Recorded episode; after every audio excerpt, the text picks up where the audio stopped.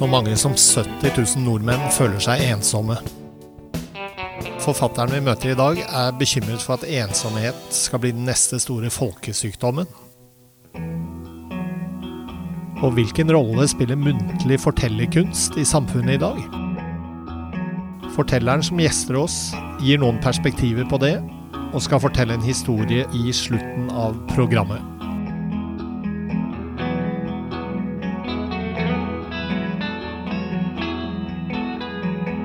Du hører på Plottet, en podkast om kultur og formidling av Kulturplott. Mitt navn er Bård Andersson. Første gjest i dag er Jan Kjærup Bjørneboe. Han er 66 år, har vært konserndirektør i mange år. Han fikk Parkinsons i slutten av 50-årene, og sykdommen inspirerte ham til å skrive en bok, 'Shaken Not Stirred'. Han har holdt foredrag om Parkinsons for mer enn 3000 personer. Du er ute med bok eh, 'En rak mann'. Hva handler den boken om? Den boken handler om en person, en mann på ca. 65 år, som lever et veldig ensomt liv. Og eh, den eh, Det er fordi det er ca. 70 000 ensomme i Norge, og da ble jeg veldig inspirert når jeg tenkte på det. Og han lever da i en blokk, røyker, spiser mest av mat på, på en det han mener er en Michelin-restaurant, for han er en bensinstasjon med Michelin-dekk. Han har ingen venner. Han har en ondulat, som er hans nærmeste venn. Men han har én ekstrem lidenskap, det er klassisk musikk. Og han kan alt om klassisk musikk, og Rakhmaninov er hans store forbilde. Ondulaten da heter selvfølgelig Rak, oppkalt etter Rakhmaninov. Og uh, denne mannen har et stort ønske om å finne seg en livsledsagerske, og det klarer han ikke. Mens redningen hans det blir en terapigruppe som består av en mann fra Jemen, en pakistansk kvinne, en luksuskvinne fra vestkanten og en rikmannsvenn på 18 år. Og denne underlige gruppen, det blir hans store halmstrå her i livet. Så det er i kort fortalt om bokens uh, hovedperson. Hvorfor skrev du boken? Det var nok det at jeg møtte en del mennesker som var ensomme. Jeg var ute sammen med Frelsesarmeen, traff bl.a. en ensom dame. Flott dame. Hadde ingen. Ingen som ringte. Ingen som ringte på. Ingen å gå tur med. Ingen å kontakte. Bortsett fra en møte med Frelsesarmeen en gang i måneden. Og tenkte var det underlig at den damen kunne være ensom. Men det var hun. Og så er det også det at det er mange som ikke er enslige, som også føler seg ensomme. Og da tenkte jeg at her er det et eller annet potensial, og nå har jo den ensomhetens århundre kommet ut boken, så dette er virkelig i skuddet, og vi trenger fokus på det. og Regjeringen har jo også kommet med noen meldinger hvor de jobber med saken, men Tøye er veldig opptatt av dette med ensomhet. Så det er vel medvirkende årsaker til at jeg hadde lyst til å skrive en roman om det temaet. Du sa i et intervju med Kulturplott tidligere at enslig er ikke lik ensom. Nei. Hva mente du med det? Det er mange enslige som trives utmerket å være enslige, som ikke kunne tenkt seg noe annet. Og det er mange med masse mennesker rundt seg som føler seg dønn ensomme. Så dette er komplisert. Hva kan denne ensomheten lede til, da? Det vet man jo ganske mye om. da. Nå har det blitt en sånn metafor at det tilsvarer 15 sigaretter per dag. Det er kanskje litt flåsete, men det, vi vet iallfall veldig klart at det medfører ofte depresjoner. Depresjoner kan være medføre tidligere demens, og demens medfører en tidligere død. Det liksom en, og det var jo det som skjedde i boken hos meg med hovedpersonen. Men ensomhet er veldig skadelig for kropp, sinn og sjel. Det sliter veldig hvis man mistrives i sin ensomme, ensomme rolle. Og Derfor er dette et betydelig helseproblem for den enkelte, og for, sannsynligvis også et ganske stort helseproblem for, for samfunnet. Hva håper du at du oppnår med en rak mann? Jeg håper at folk blir mye mer klar over at det finnes mange ensomme. Og at de gidder å ta en telefon eller gidder å ta en prat. Vi må heller ikke nedlegge de offentlige møteplassene som biblioteker, bydelsmøter, steder hvor folk kan samles, tilbud, trening, eldretreff. Altså vi må, vi må, opprettholde de plasser hvor folk kan sette seg ned og prate sammen. Og man må ikke la nettet overta alt som er liksom av sosial prat. Så og Vi er inne i et gigantisk eksperiment nå med alle de menneskene som sitter på hjemmekontor, som ikke slipper til på jobben. Og jeg tror nok at vi vil begynne å merke på nyåret nå at en del av de vil virkelig begynne å slite i sin ensomhet. Jeg kjenner jo personer som ikke har sett en kollega fysisk på over et halvt år. Og det er en stor påkjenning, altså. Vi er, sosiale, vi er et sosialt individ. Utvilsomt. Eh, hvem, eh, hvem bør lese boken din? Iallfall alle menn over 50 år. Eh, de vil kjenne seg igjen på mye her med helseproblemer og diverse andre problemer. Men jeg tror nok at altså Sønnene mine har lest manus, og de hadde stor glede av det. fordi jeg tror de begynte å tenke litt annerledes på ting de aldri hadde tenkt før. At også mennesker med mennesker rundt seg kunne være ensomme. Eh, arbeidsgivere bør absolutt se på det, fordi det såkalte grå gullet er veldig mange arbeidsgivere bare interessert i å bli kvitt. Så boken treffer nok en ganske bred målgruppe. Eh, men jeg tror, og det ser jeg jo på tilbakemeldingene jeg har fått nå som den er ute, men eh, jeg tror kanskje spesielt menn vil kjenne seg veldig mye igjen her. altså. Og jeg har jo jobbet som konserndirektør et langt liv, og mange av de jeg jobber sammen med, de har tilbrakt så mye tid på jobben at når de gikk av, så hadde de hadde ingen. Altså, det var, det, Kollegaer var borte. De begynne, når kollegaene var borte, så måtte de begynne å bygge opp nye vennskap, og det er jo ikke gjort i en håndvending. Så det var for sjokk for veldig mange næringslivsledere som går av, at de er ganske dønn ensomme når de går ut siste dag, arbeids, arbeidsdagen ut av døren på kontoret. Hva slags bøker liker du selv å lese? Jeg må innrømme en ting, at etter jeg fikk parkinson, så leser jeg ikke så mye lenger. Eh, for jeg, jeg rister ganske mye. Eh, så for meg gjelder det å finne liksom sånn behagelige stillinger. Så jeg setter veldig mye på film. Eh, men jeg har lest mye bøker i mitt liv, og jeg har alltid vært veldig glad i Erik Maria Remark, spesielt. Vaino Linna, den finske forfatteren, leste jeg mye av. Selvfølgelig en del krim og sånn innimellom. Eh, men eh, spesielt de to husker jeg veldig klart og brukte jeg mye tid på. I et intervju med Kulturplott så har du sagt at du gjerne skulle møtt Jens Bjørnboe, ja. den kjente forfatteren som ville ha fylt 100 år i år. Ja. Hvilken eh, relasjon hadde du til han? Jens var fetteren til min far. Og de var faktisk en del sammen i ungdommen. Eh, for Jens bodde en periode hjemme hos eh, mine, eh, min farfar og farmor, og da bodde han sammen med min far på, på gutterommet.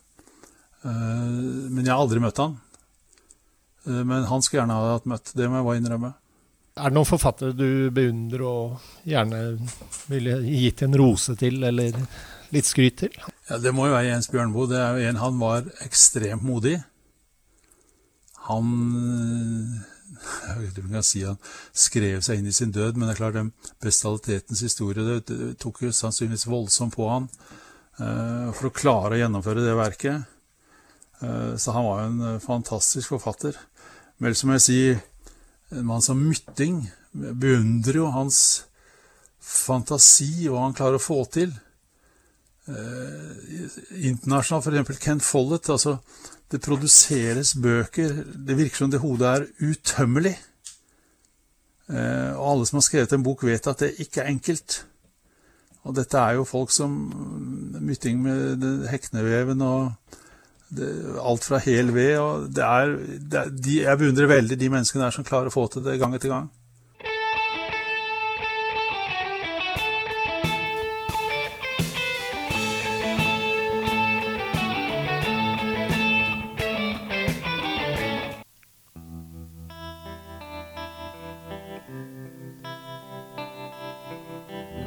Vår neste gjest er scenekunstner, poet og historieforteller.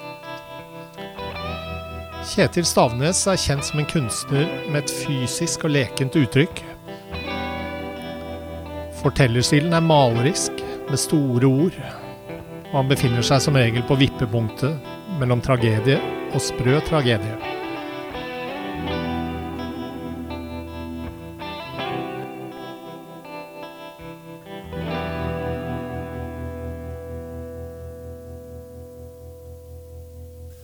Hvor uh, står uh, fortellinger og fortellerkunsten i 2020 uh, kontra i gamle dager, leirbåltiden?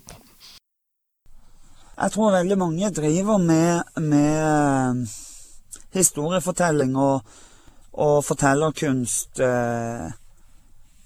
ganske aktivt uten å, uten å vite det, eller å være helt klar over det sjøl. jeg tror det er en stor del av Ja, for eksempel hvis man er på en fest. Nå kan man jo ikke være det nå, da, men eh, Men Eller i et selskap. Nå begynte jeg på en skole her forleden, og det er jo en måte å bli kjent med hverandre på. Og så Ja, så forteller jeg en ting. Så kommer det jo gjerne et tilsvar. Ja, du, det minner meg om noe som har skjedd med meg. Relaterer man til hverandre og Og Ja, den, den en å, bli kjent med hverandre på òg. Eh, og eh, litt sånn lodde lodde stemninga, hvilke verdier en har, eh, etc.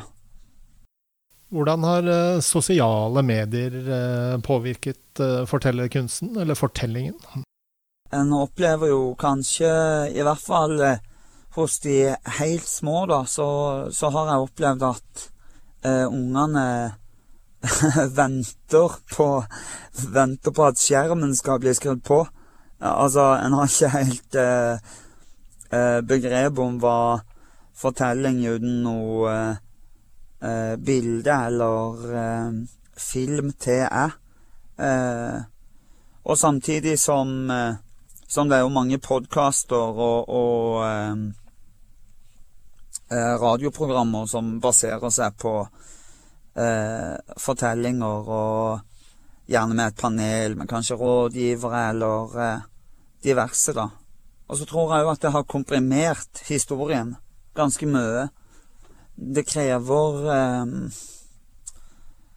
Altså, du krever ganske eh, liten tid på, på, å fange opp en interesse.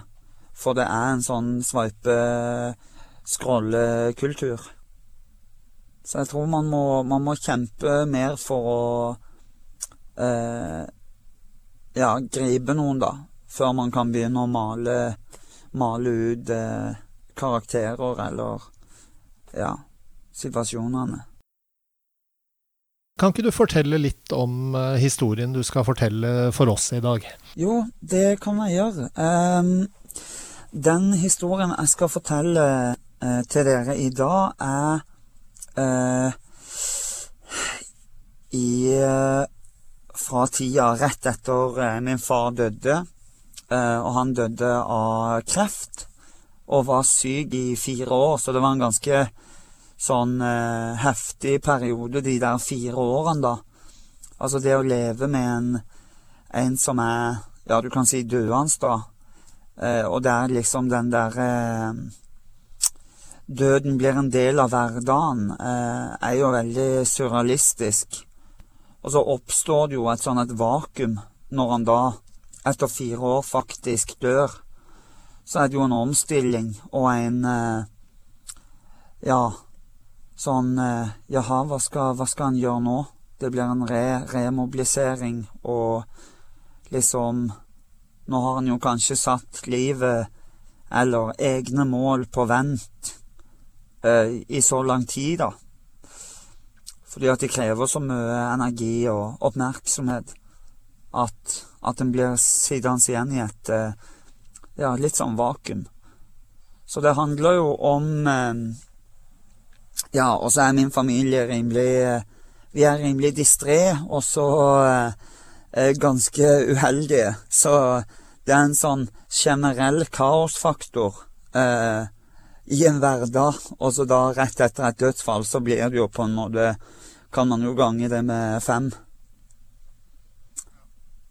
Eh, ja, så det handler uh, handler om en uh, episode som skjedde rett etter Ei uke etter min fars begravelse. Min søster sin bursdag.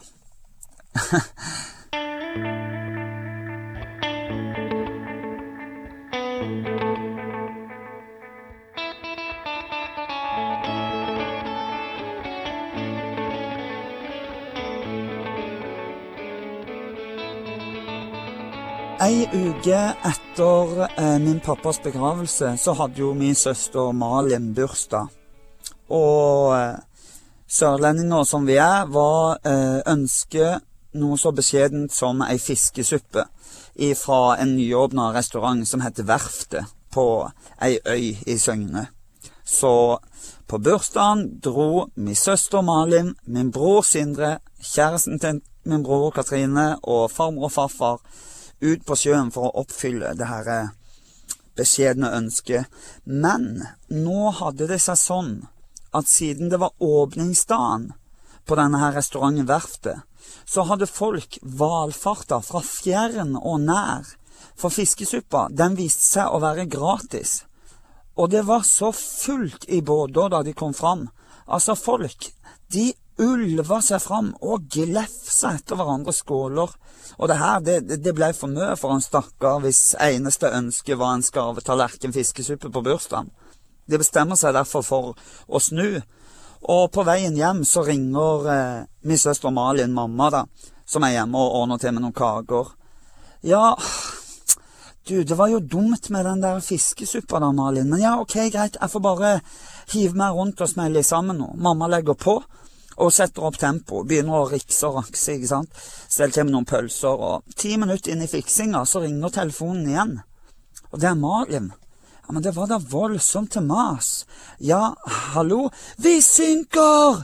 Ring nødnummeret! Pip, pip, pip, pip, pip. For eh, på vei hjem så hadde båten bestemt seg for å synke ut av det blå. Eh, min mor hun kaster fra seg tingene og løper til det vindskeive furuskapet hvor vi har dataen. Det er en Windows 98.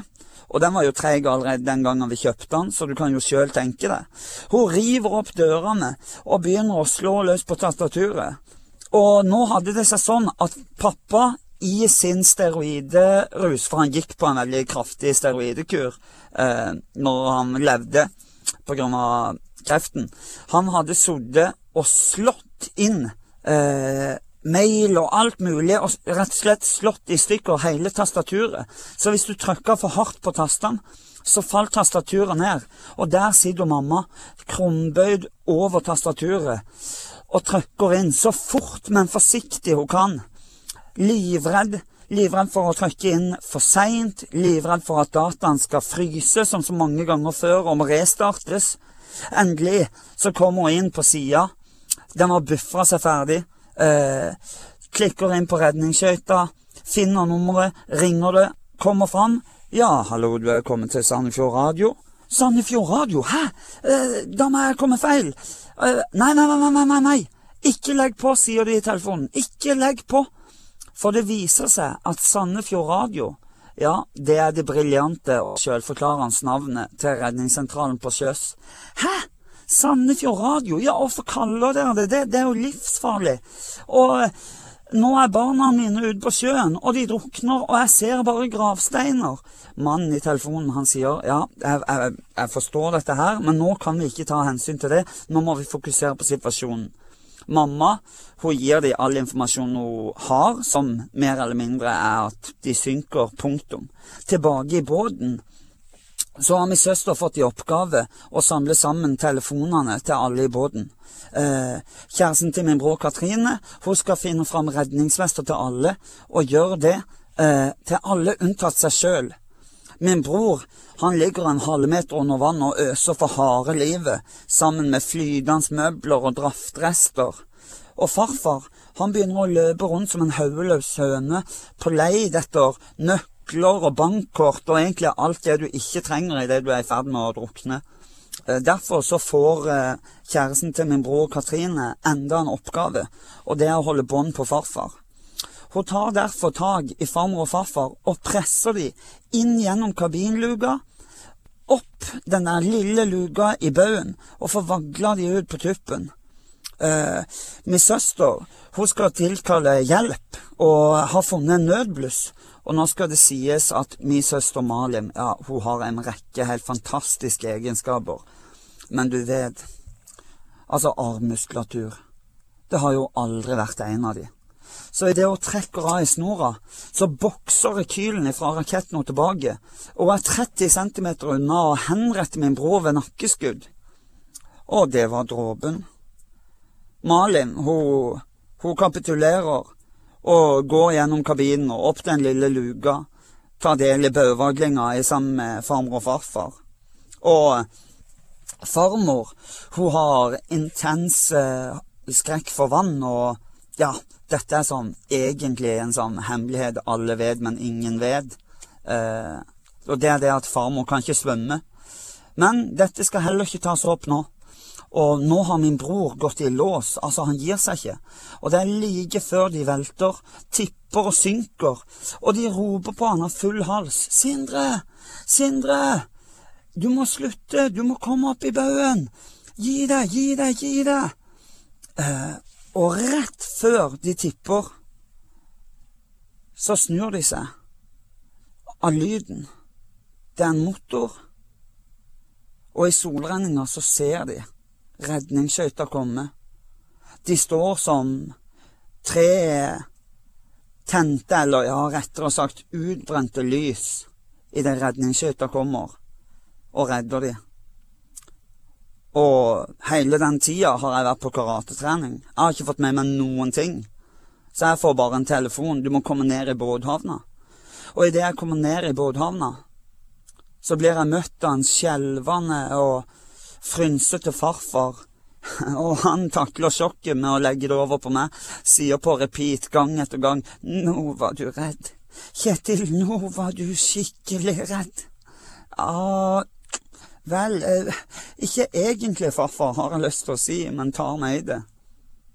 For det eneste jeg tenker på, det er den der halvsunkne båten, der jeg ser han ligge, nå fortøyd i båthavna, mens pumpene til redningsskøyta går for full blås, spyr ut sjøvann og gamle draftrester. Det siste vi hadde igjen av pappa. Altså, den båten, det er jo pappa. Og jeg bare vet. Jeg vet at nå må vi kjempe for å fikse denne her båten. Nå må vi kjempe, og vi må mobilisere. Og uansett hva, så kan vi ikke gi han opp.